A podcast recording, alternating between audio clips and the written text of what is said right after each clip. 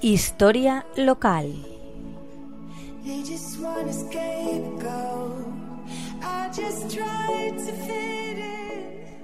Buenas tardes, amigos de la Tegua Radio.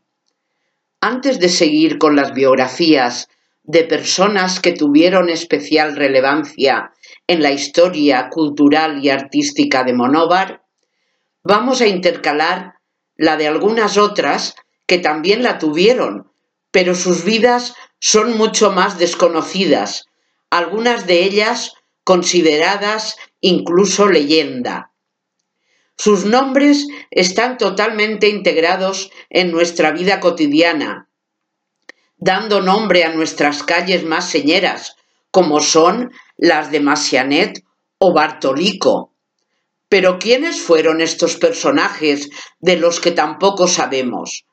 Vamos a intentar conocerlos y para ello comenzaremos por el de Masianet. La calle de Masianet comienza en Santa Bárbara y termina en la calle Mayor. En su esquina con la calle Poveda hubo, hasta hace muy poco, una cruz de madera oscura, carcomida por el tiempo, que confirmaba el desenlace sangriento que tuvo lugar en esta calle y cuyo protagonista fue el joven Masianet. Se dice que su sepultura estuvo en el patio de nuestro convento de franciscanos mientras éste duró. Pero comencemos por el principio.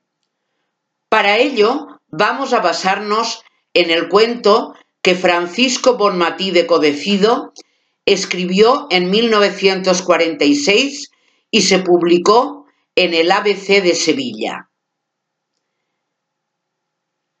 se titulaba Masianet de Monóvar.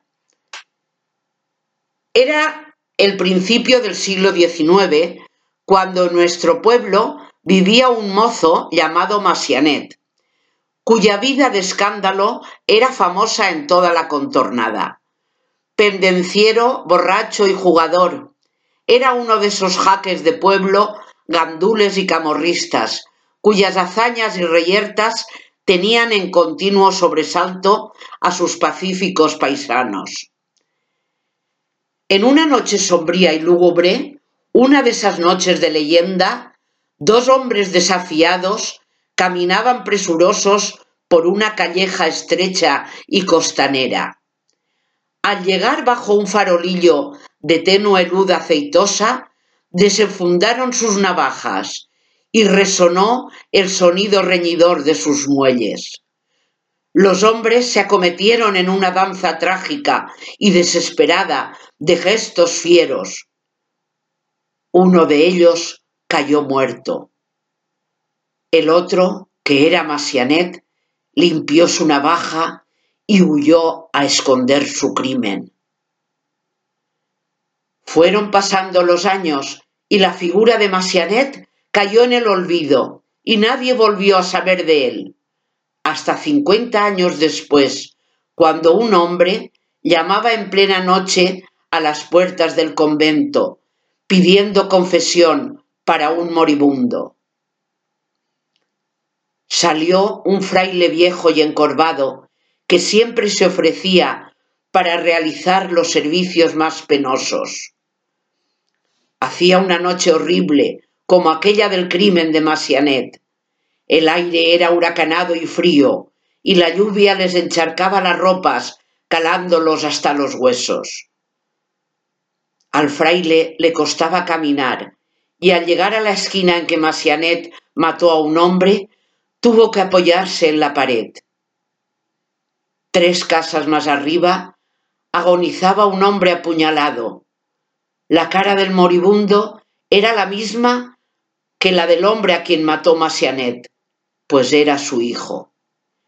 El franciscano le oyó en confesión y escuchó el relato de la pendencia que le costaba la vida. A la salida, el fraile pidió que nadie le acompañara y al llegar a la esquina vio a dos mozos riñendo navaja en mano. Se interpuso para separarlos y quedó muerto de un navajazo.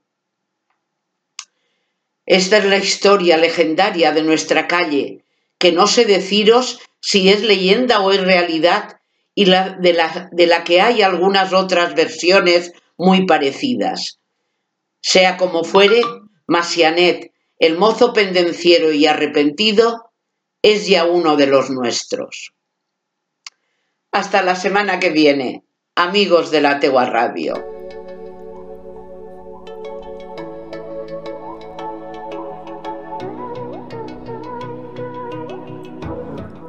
Historia local.